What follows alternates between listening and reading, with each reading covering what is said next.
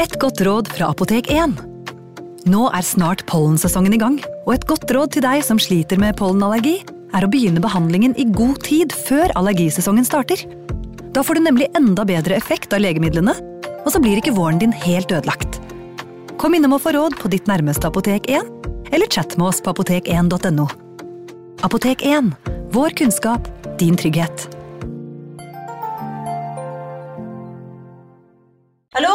Jeg kommer fra Oslo politikammer. Ine Jansen er purk. Er du purk? The motherfucking bitch. Alt jeg vil, er å finne ut hva som skjedde med mannen min. Jon Carew. Er jeg sikta for noe? Iben Akeli. Det er du. Ole So, Lars Berrum og Big Daddy Karsten. Hvem sin side er du på, egentlig? Anette Hoff, Tone Danielsen, Kommer du fra Afrika? Jørnis Josef, Nesten. Kløfta. Trond Espen Seim, Det er synd å si det, men det var feil mann som døde. Purk. Premiere tirsdag på TV2 Play. Advarsel. I denne podkasten vil du høre historier basert på informasjon programlederne har funnet selv. Programlederne står ikke nødvendigvis inne for meninger og syn som fremstilles. Noen påstander kan avvike fra virkeligheten.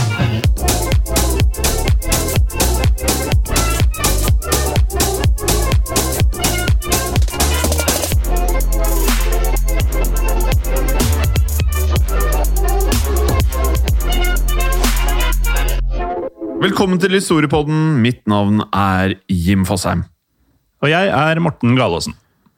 Hallo, Morten. I, eh, i dag så vi, vi, vi har jo hatt mye krig i det siste, føles det som. Ja, så Vi har hatt så mye krig at vi måtte lage en ny podkast som bare handler om krig. ja. Men nå, nå lekker det over til eh, moderpodden også, uke etter uke. Ja, det gjør det. Og vi kan jo bare nevne da den andre podkasten. For de av dere som ikke har fått det med dere, så heter jo den da Historiepodden andre verdenskrig. Vi skriver det på iTunes inntil videre. Historiepodden WW2. Så da vet du hva du skal søke opp. Ja. Uh, og klarer du ikke å finne det da heller, så får du gå til uh, Facebook-gruppen vår Historie for alle, så ser du at vi har delt det der også. Men denne uken, Morten, vi, vi fikk jo litt sånn eh, Det er feil å si smaken på krig, men eh, forrige uke så hadde vi jo denne infamøse episoden om krigen om trebøtta. Ja, det hadde vi, og den var jo eh, av de mer absurde. Altså, Vi har hatt noen rare kriger eh, opp gjennom i historiepodden, men den tok nesten bøtta, holdt jeg på å si. ja, altså den er på nivå med EMU-krigen. Eh, men i dag eh, Vi kan jo se For når vi, når vi går gjennom historien uh, i research og tekst og alt dette, så får man jo en feeling av hvor absurd noe av dette er. Men det er først etter vi har spilt det inn, at det virkelig synker inn bare hvor sjukt noe av dette er, og at det går an å sammenligne de forskjellige hendelsene. Um, så med det så kan vi jo kanskje si noe om hvilken tid vi skal tilbake til. da, For mange av lytterne våre er jo veldig orienterte. Men mm. jeg blir faktisk litt overrasket om det sitter lyttere her nå, når du har sagt hvilken tid vi skal tilbake til, som umiddelbart bare sier 'aha, det er den krigen'. For det, der er faktisk ikke jeg ennå. Nei, det, det er nok de færreste, men uh, uten at vi skal undervurdere lytterne, så hvis jeg da sier 1838, og så gir dere et lite sekund der Hvis du nå vet hvilken krig vi snakker om, da er du ordentlig dyktig.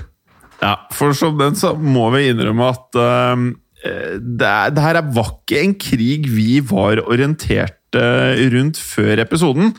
Um, vi kan jo da starte med at eh, denne krigen har et særs kuriøst element ved seg, og det er ikke ulikt Altså, vi pratet jo om at vi hadde krig forrige uke, men selve innholdet er heller ikke ulikt innholdet i episoden om krigen om trebøtta.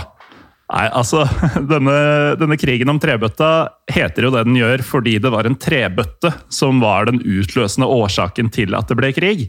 Eh, og i dag så fant vi ut at uh, uh, mykere varer enn bøtter også kan utløse krig. Fordi altså kaker og bakst eller bakverk eller bakevarer, som, som man vanligvis kanskje forbinder med kos og hygge, spesielt nå som folk har mer tid hjemme på kjøkkenet og utforsker kanskje verden på den måten. eh, så kan da faktisk eh, kaker og bakevarer eh, lede til noe helt annet enn hyggelige affærer også. I dette tilfellet krig. Ja, for dagens episode har også da en veldig lik tittel som vi hadde i forrige uke. Eh, Så i stedet for The War of the Bucket, så er dagens episode om The Pastry War. Ja, og eh, da vi jobba med denne, så kom jeg i skade for å tenke på masse sånne um, cook-off-shows på TV. Blant annet er det vel noe som heter The Cupcake Wars. Ja, det er det. Du drev og kalte episoden for Cupcake Wars før innspillingen i dag, det er, så det er, det er tilfellet. Ja, men uten at jeg har sett en eneste episode av Cupcake Wars, så kan jeg nesten garantere at uh, denne krigen ikke er helt som, uh, som disse småmuffinskrigene på TV.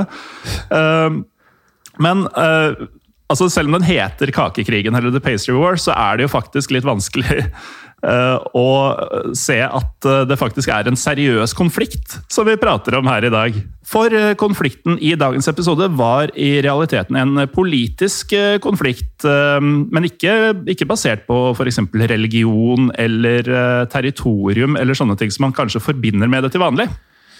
Det er helt riktig, Morten. Ehm, For la oss da starte med tittelen. Altså, dagens episode er jo da The Pastry Wars, eller vi har valgt å kalle det for Kakekrigen. Eh, Selv om pastry kan da oversettes til bakverk, eller det er det som er oversettelsen. Det er det. Eh, det er det. Eh, så er det kakekrigen for oss. Um, men dette gir et stort hint om hva som da utløste denne krigen. For du har jo sagt at det var ikke nødvendigvis verken territorium eller religion eller noen av de vante eh, tingene som lå til grunn. For det vi fant ut, var at det var en baker. Lite sjokkerende. eh, og denne bakerens lille bakeri Vi forstår at det var et lite bakeri som sto sentralt i bakgrunnen for eh, denne krigen, som brøt ut i 1838, og som involverte Mexico og Frankrike. Ja, og eh, altså, Du nevner Jim, den ene parten i denne krigen, Mexico. Eh, De var på denne tiden inne i en veldig spennende periode. For eh, i 1821, altså bare 17 år før hendelsene vi skal snakke om i dag, så fikk Mexico sin uavhengighet. Og eh, 1821 er da året som Mexico rev seg løs fra Spania etter en 11 år lang krig, der de kjempa for nettopp dette total uavhengighet fra Spania. Ja, det er helt riktig. Så Mexico da i 1821 gikk fra å være det som ble kalt for Ny-Spania, til å bli det man da kalte Mexico. Men dessverre for Mexico så ville ikke denne perioden etter uavhengighetskrigens slutt bli like fredelig som jeg tror de aller fleste meksikanerne hadde håpet på. For det var store og langtekkelige konflikter rundt hvordan myndighetene burde ha styrt landet, og hvordan de også burde organisert landet. Ja, Og nå underdriver du ganske sterkt, Jim. For eh, altså, bare hør på det her. Eh, Mexico de hadde 20 forskjellige presidenter på 20 år! og uansett om du er mattekyndig eller ikke, så skjønner man jo gjerne at eh, de da i gjennomsnitt hadde én president i året. Og det i seg selv er jo ganske spesielt eh, om man har én president i året i kanskje noen få år med uro, men eh, det at det er én president i året gjennom to tiår ja, det ekstremt. vitner jo om enorme uroligheter, også satt eh, i, eh, sett i historisk eh, kontekst. Og det er ikke ofte vi eh, så langt i hvert fall har kommet over noen historier som er på dette nivået. Så Nei. det man forstår, er jo at denne hyppige utskiftinga av lederskap eh, og demonstrasjoner og vold og generelle uroligheter var en del av eh, Mexico på denne tiden. Så det var en kaotisk periode for landet, på tross av at det var en periode hvor det også var optimisme over denne nyvunne uavhengigheten.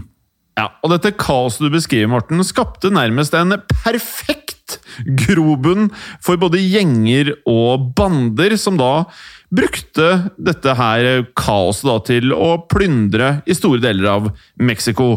Og sju år etter Mexicos uavhengighet, altså i 1828, var det spesielt én hendelse som tydelig skilte seg ut, der det oppsto da massive sammenstøt i Mexico City. Der Mexicos president, som vi tror var Guadalupe Victoria på denne tiden, fjernet nemlig en lokal guvernør fra sitt offisielle embete, som er meget spesielt, selvfølgelig. Og han fikk da sparken på dagen.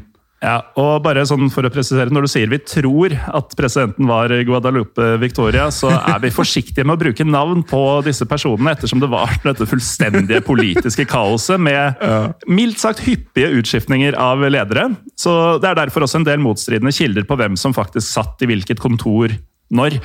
Eh, Men uansett så hadde det seg slik at store fraksjoner i militæret de var lojale til denne guvernøren som presidenten avsatte. Og guvernøren utnyttet da denne lojaliteten og kalte dem inn for å kjempe hans sak mot presidentens soldater. Ja, og som lytterne kanskje nå forstår, så bygget det hele seg opp til eh, at det skulle koke over. For det kokte til de grader at det i dagene som fulgte, brøt ut tunge sammenstøt og slåsskamper i gatene mellom styrkene til guvernøren og styrkene til presidenten, så vel som de sivile tilhengerne til begge grupperingene. Ja, og Som man vet fra demonstrasjoner og perioder med kaos, så er det jo ofte slik at det er eh, opportunister på, som ser muligheter i sånne situasjoner. Og det var det også her, da boliger og butikker ble brutt inn i, ofte rundstjålet og vandalisert. Og her kommer vi inn på det som eh, dagens episode handler om. For i alt dette oppstyret så er det en baker som blir eh, rammet av all denne plyndringa. Nemlig en baker ved navn Remontel. Ja, og denne Remontel det kan vi jo kanskje um, si litt om, Morten. for at det, Vanligvis så har vi jo et fornavn og et etternavn, og noen har jo til og med flere mellomnavn. og Opptil åtte navn har vi vært borti. Vi har vært oppe i 14 navn på en person tidligere episode. Eh, Men denne Remontel føles mer ut som litt sånn Madonna. At det er bare Remontel han refereres til som i historien. Ja, Jeg har sett eh, noen steder så står det 'Monsieur Remontel', men Ja. eh, jeg har ikke vært i nærheten av å finne noe fornavn. Nei, det er Remontel. Og Remontel han eh, var en fransk, og det er veldig viktig å poengtere at han var fransk. Eh, som vi vet, så er jo konflikten mellom Mexico og Frankrike. Han var en fransk baker som drev et bakeri i Mexico City. Og Mexico City ligger jo i Mexico. Ja, så um, en dag under de kraftige opptøyene i Mexico City, så skal da meksikanske soldater ha brutt seg inn i flere butikker på markedsplassen El Parian, der også bakeriet til Remontel lå. Ingen visste hvilken side akkurat disse meksikanske soldatene var på, men det spilte egentlig liten rolle om det var på guvernørens eller presidentens. Fordi det var åpenbart at disse soldatene bare var her for å ransake og stjele og ødelegge. Ja, og vi kan jo legge til, Morten, at ordet ransake det går igjen i historien. Og når vi leser ordet ransake, ettersom det hadde såpass mye følger, dette her, så forstår vi som at det å ransake var egentlig en mellomting av stjele, ødelegge, plyndre. Bare gjerne i regi av myndighetene, nærmest. Mm. Men uansett, Remontel han eh, fortalte senere også at disse soldatene som da i gåsetegn ransaket bakeriet hans, var tydelig beruset, altså mest sannsynlig fulle. Um, og de bevæpnede soldatene skal da ha trengt seg inn i bakeriet hans, hvor vi da forstår at Remontel ikke hadde noe særlig å stille opp med, og ikke hadde vært lurt å stille opp med noe som helst, og ble dermed tvunget til å se på det hele som utspilt seg i bakeriet hans. Så jeg kan bare se for meg en sånn fransk baker som er fortvilet, og hvor han har lagt eh, sjelen sin i alt bakvar, bakverket som er der, og blir tydelig forbanna, med kanskje litt mel som står i en sånn melsky midt Ja, ja. i bakeriet. Ja, Litt sånn der klassisk sånn uh, fornærma franskmann med sånn fransk 1800-tallsbart og gjerne et forkle og, og ja, mel overalt. Ja, altså, Um, vi har ikke funnet bilde av Remontel, i hvert fall så har ikke jeg sett noe bilde av Remontel. Jeg jeg ser veldig klare bilder har- i hodet. Ja, men ja, det bildet i hodet mitt så ser jeg for meg litt mage, kanskje. At han var glad i sin, eh, sin egen bakst. ja, Hvis det er lov å si.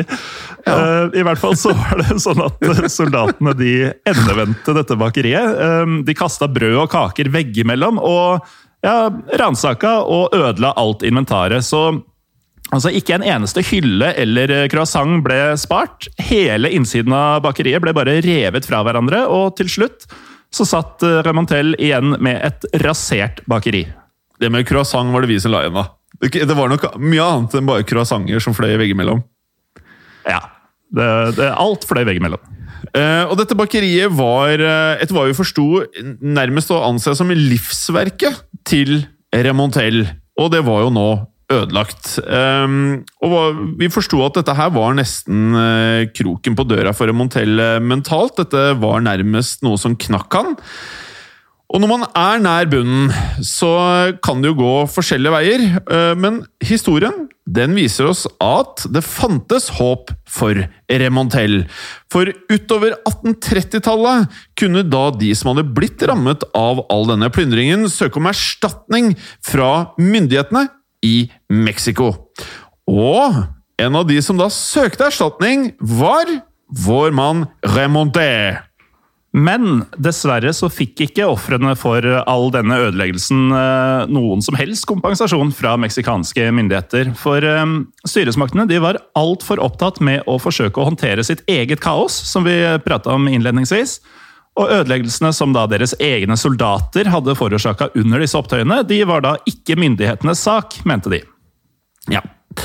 Og med det så sitter man jo her og føler enda mer synd på eh, Remontel. Eh, og det må jo ha føltes som en vanvittig urettferdighet, dette her. Eh, men eh, la oss se litt på denne erstatningen Remontel ønsket seg. Denne oppgitte bakeren.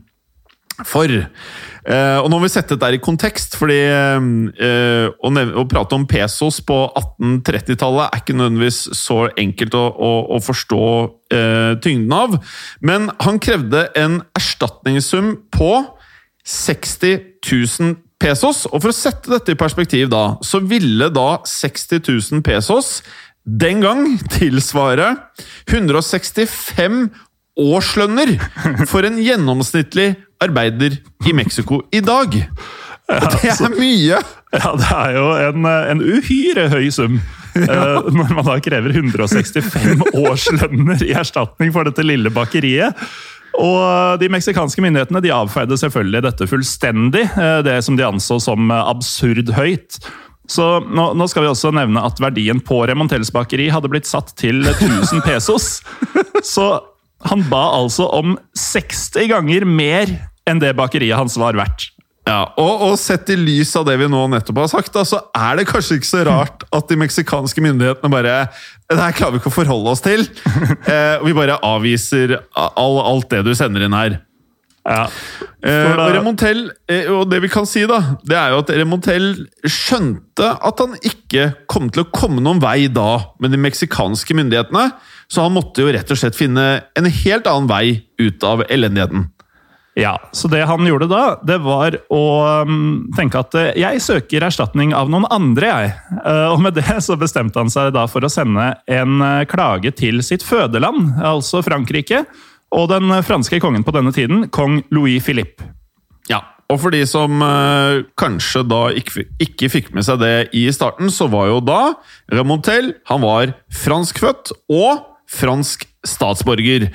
Og med det så dro Remontel til eh, Paris eh, for å tale sin sak. Og mm, han var ikke den eneste, forsto vi her da, som hadde blitt påvirket av alt det som skjedde i Mexico.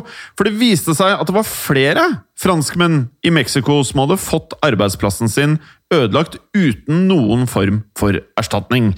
Men eh, Remontel har jo da vært eh, helt åpenbart den som ble mest berømt for alt det som da skjedde i denne perioden i ettertid, og som da var eh, den som kongen til slutt valgte å basere sin interesse for det hele rundt.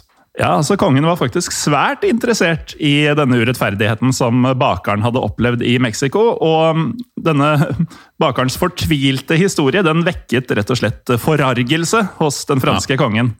Han mente det var fullstendig uhørt å nekte erstatning til franskmenn som hadde fått butikkene sine ødelagt. Og det er her vi kommer til da punktet som skulle eskalere forholdet mellom Frankrike og Mexico. Og la oss bare nevne at eh, vi har jo ikke sagt noe om liksom eh, hvorvidt denne franske kongen syns at 60 000 pesos, altså 60 ganger det det egentlig var eller verdt, da, var eh, noe spesielt eh, merkelig å be om. Men det kommer nå snart. Kongen han engasjerte seg da personlig ikke, det var ikke sånn at Han satt masse folk på saken, han engasjerte seg personlig i Remontels sak. Og han var ikke bare engasjert, han bestemte seg virkelig for å vise muskler her.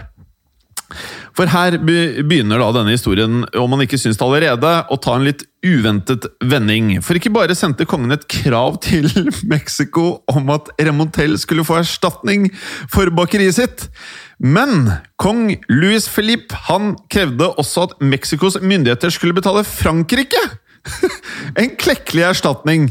Og som vi da husker, 60 000 pesos var da det Remontel ønsket seg. Kong Louis Philippe han ønsket 600 000 pesos! altså ti ganger så mye som det Remontel hadde ønsket seg. Og her aner jo sikkert alle som hører dette, her, at eh, dette her kan jo ikke ende vel. Nå er vi på vei langt utover hva som er innenfor rimelighetens grenser. For hvis da 60 000 pesos var totalt uaktuelt, som det var, så ville jo da 60 000 pesos pluss hele da 600 000 pesos, med andre ord 660 000 pesos, det ville jo ikke kunne bli sett på som noe annet enn en fornærmelse.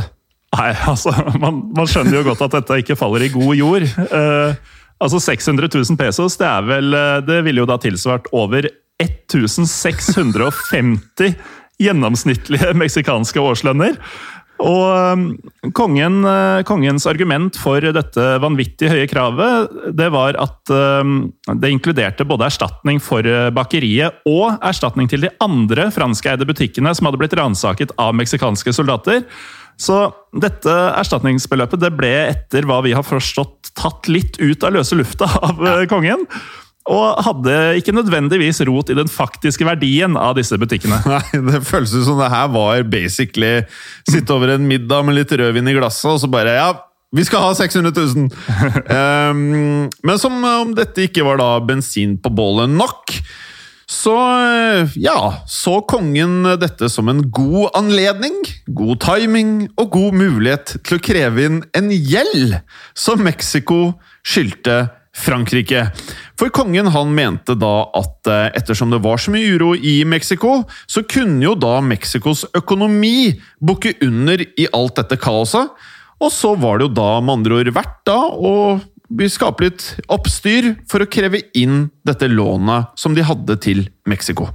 Ja, og dette, øko, Denne økonomiske kollapsen til Mexico kunne jo skje når som helst, så det var ingen tid å miste for kongen. Og nå hadde han jo da fått eh, den perfekte unnskyldning, nemlig de franske butikkeierne. Så eh, det var et perfekt påskudd rett og slett for å kreve et gedigent beløp fra Mexico. Så dermed så sendte han et eh, høytidelig formelt krav om at Mexico øyeblikkelig skulle betale Frankrike 600 000 pesos. Ja, og her må man nesten bare ta en liten sånn pustepause, fordi no, det her er så ekstremt. Altså, vi har gått fra at um, et bakeri har blitt rasert til Av fulle soldater? Er, ja, og at det nå har gått fra et helt urimelig krav fra en baker til at et helt land ber nå om et krav som da åpenbart vil bli ansett som totalt urimelig. Eh, og vi kan jo da starte med, etter denne korte pustepausen, da, med at Mexico selvfølgelig ikke engang er villig til å vurdere dette kravet. Og presidenten takker jo da blankt eh, nei til å betale tilbake disse kravene. Eh, og de var nok litt eh, irriterte, vil jeg tro, på dette tidspunktet. Det var det nok, men uh, kong Louis Philippe han uh, var uh, også litt irritert. Og han var ikke interessert i unnskyldninger. Han erklærte at han skulle få pengene sine med en eneste gang. Koste hva det koste ville.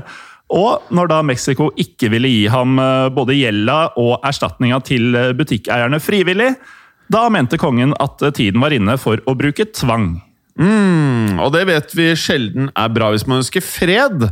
eh, så kongen gikk jo da med andre ord hardt til verks her. Eh, og det var ikke noe rom for diplomati, etter hva vi forsto. Han skulle ha pengene, og derfor boret han den franske flåten, som vi vet ikke var noe å kimse av på dette tidspunktet.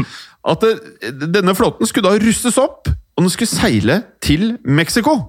Og vi minner igjen om at dette er pga. dette bakeriet. ja. Men uh, som vi nå skal få høre, så, så når dette her uh, nye høyder. For våren 1838 så valgte Frankrike, som et resultat av alt vi har nevnt til nå, at eh, den franske flåten den skulle altså sette opp en blokade av viktige meksikanske havnebyer langs Mexicogolfen, altså østkysten til Mexico. Og Dermed så blokkerte jo da den franske flåten nesten all meksikansk handel med utlandet. Så Det er helt ekstremt. ja. Da har vi altså gått fra noen fylliker som raserer et bakeri, til en handelsblokade på ganske kort tid. Og igjen så satte kongen fram kravet sitt. Mexico skulle betale 600 000 pesos til Frankrike, og kun da ville franskmennene oppheve denne blokaden. Og som et resultat av dette, og for ikke miste da fjes, så satte den meksikanske presidenten seg nok en gang på bakbeina og ble enda staere, etter hva vi forsto, og nektet plent å betale en eneste pesos så lenge blokaden pågikk. Og um, de diplomatiske forhandlingene førte ikke til noen løsning. Og Frankrike de krevde fremdeles betalingen, og Mexico nektet fremdeles å betale så lenge blokaden varte. Som andre ord, dette var en ond sirkel. Ja, En såkalt standstill, hvor eh, begge sider eh, stanga mot hverandre i hvert eneste diplomatiske møte. Og I november så tok Frankrikes tålmodighet slutt. Nok var nok, og den 27. november så fyrte franskmennene opp kanonene. og flåten åpnet da ild mot fortet San Juan de Ulua. eh, Et fort som beskyttet inngangen til Veracruz, som er en havneby som var uhyre sentral i meksikansk handel. Ja, og, er, og, og, og nå eh, Altså, Frem til nå så er det jo ganske sykt alt, men nå har de, nå har de fyrt av altså Nå har de altså fysisk liksom, Det er ikke en blokade lenger. Nå har de fyrt av skudd nå er et mot et annet land!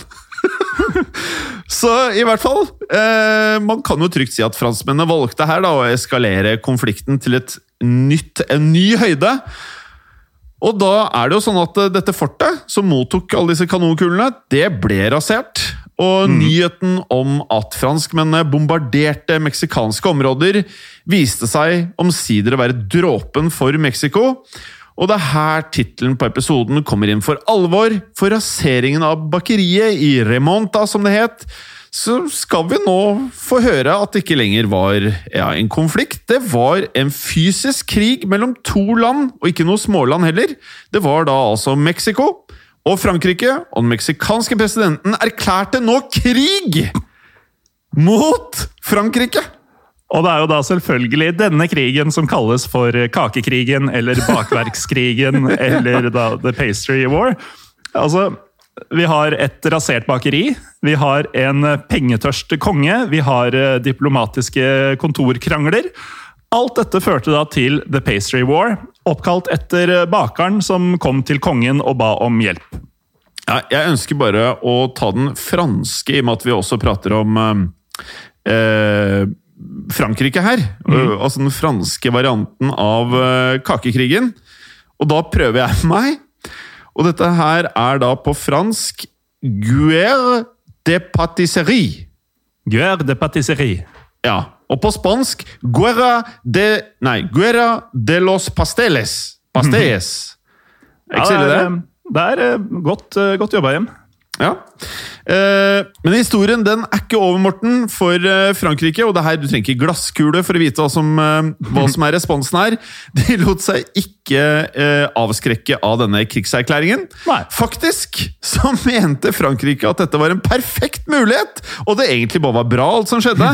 fordi land i krig ikke lenger trengte å opprettholde like mye diplomatiske forhandlinger. Med andre ord så var det mm, eh, av med silkehansken her. Så om man da følte at eh, de ikke var av allerede, så var de nå offisielt av.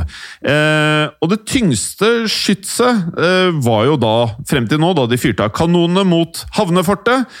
Nå skal vi få se at franskmennene har enda større planer.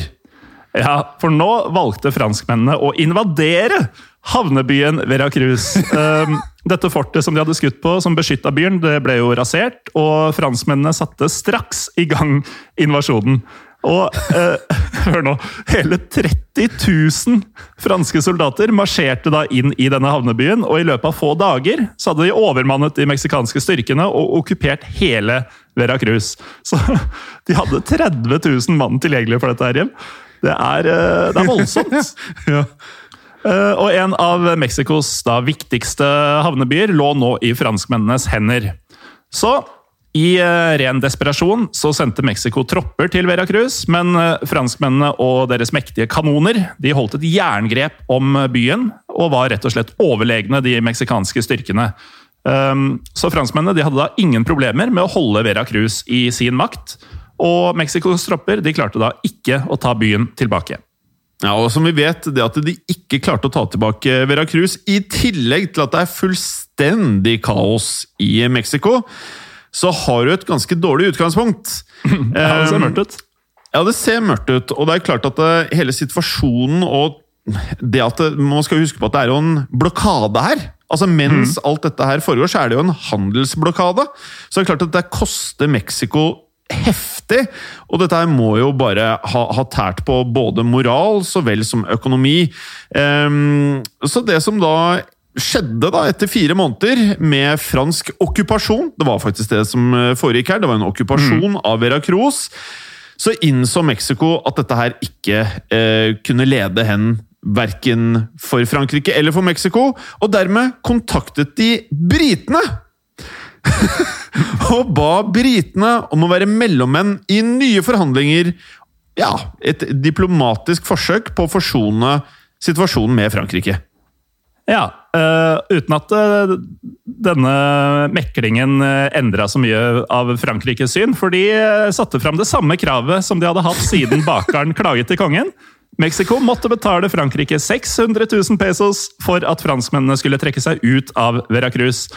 Og nedbrutt og fortvilet så måtte Mexico denne gangen godta pengekravet. De betalte pengene til Frankrike, og kakekrigen var over. Ja. Er, men jeg- blir litt sånn vemodig på en måte. Det var litt synd på Mexico her, da, på en måte. her. De gjorde jo feil til å begynne med, men det var veldig heftig mm, eh, heftig bot de måtte betale. Men eh, det ledet i hvert fall til at franskmennene trakk seg ut av Mexico da vi kom til mars eh, 1839. Som betyr at krigen varte i ikke et fullt år, men ca. et år. Og likevel skulle det få jeg må jo si kraftige konsekvenser for Mexico, for myndighetene måtte ikke bare betale Frankrike. De måtte også bruke store summer på å bygge opp Veracruz igjen etter det som hadde blitt bombardert av det som skjedde med franskmennene. Og handelsinntektene de sank også så dramatisk i denne perioden at det, det, det føltes i hele Mexicos økonomi da, at Veracruz var satt ut av spill. Ja, så Kortversjonen av det du sa nå, Jim, det er jo rett og slett at kakekrigen var et enormt tilbakeslag for Mexico. Og mm, det skulle få ytterligere konsekvenser også, for bare ti år senere så brøt det ut krig igjen, eh, denne gangen mellom Mexico og USA. Og Mexico de var svake etter den eh, kraftige økonomiske knekken som kakekrigen hadde mm, ført til, og USA grep kontrollen over store meksikanske områder ganske lett. Ja.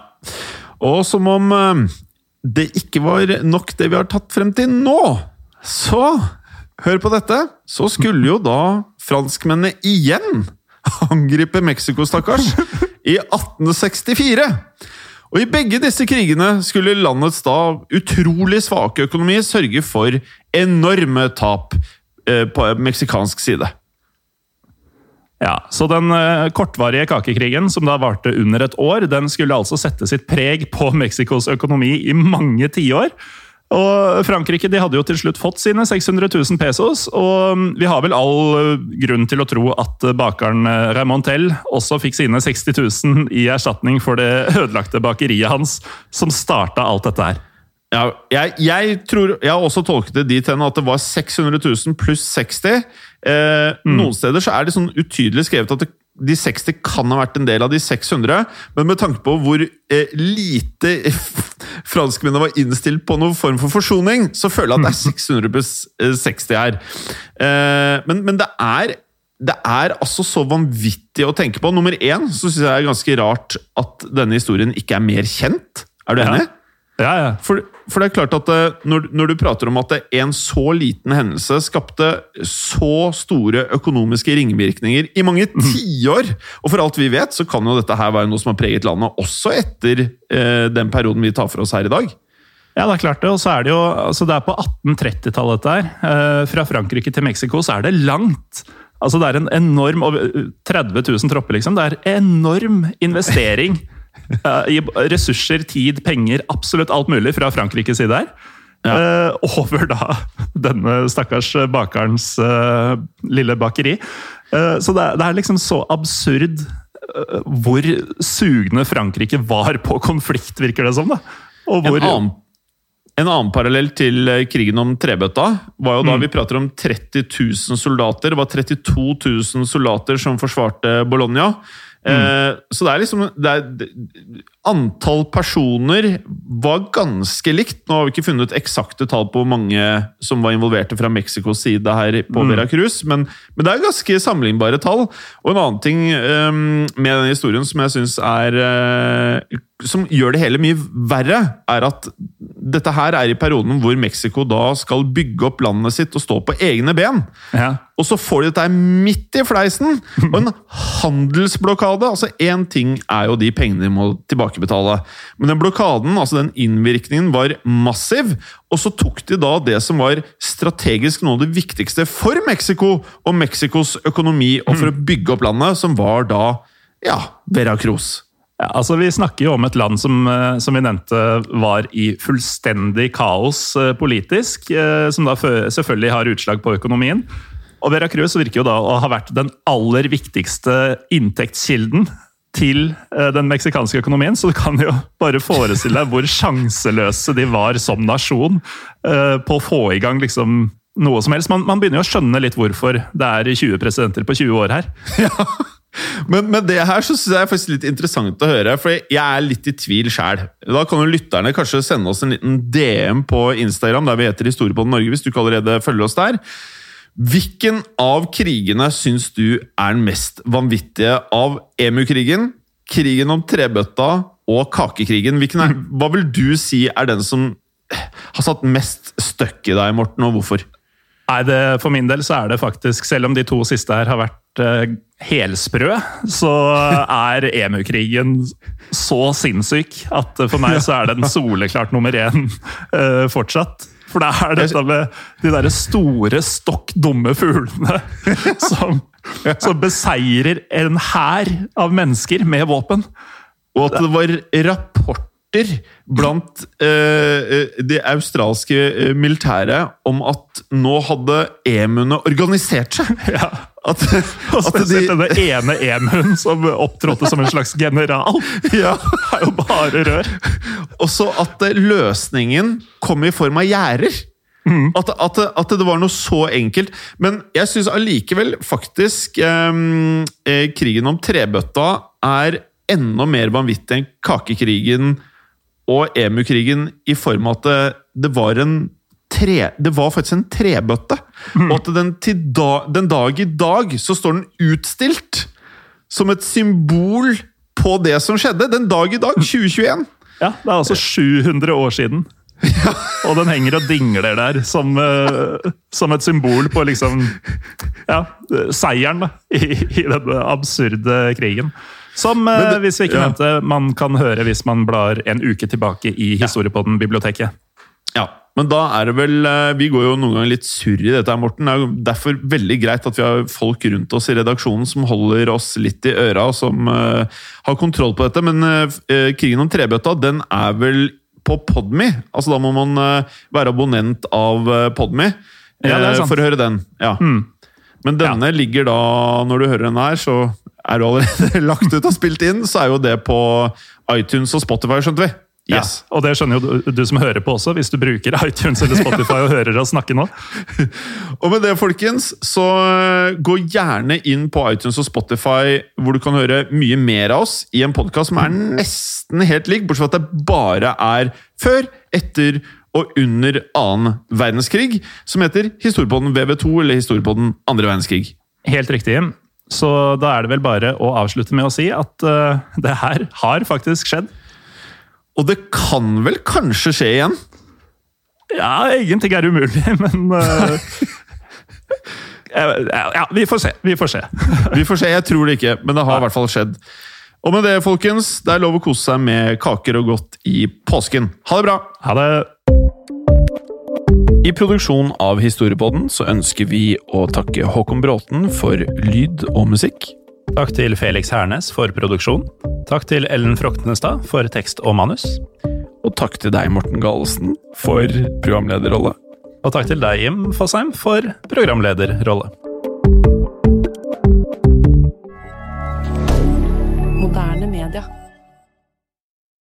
Har du et enkeltpersonforetak eller en liten bedrift? Da er du sikkert lei av å høre meg snakke om hvor enkelt det er med kvitteringer og bilag i fiken, så vi eh, gir oss her, vi. Fordi vi liker enkelt. Fiken superenkelt regnskap. Hei, og takk for at du lytter til Historiepodden. Skulle du ønske at du kunne høre en ny episode av Historiepodden hver eneste uke? Vel, da er det én ting å gjøre. Da kan du laste ned podkastappen Untold med det samme.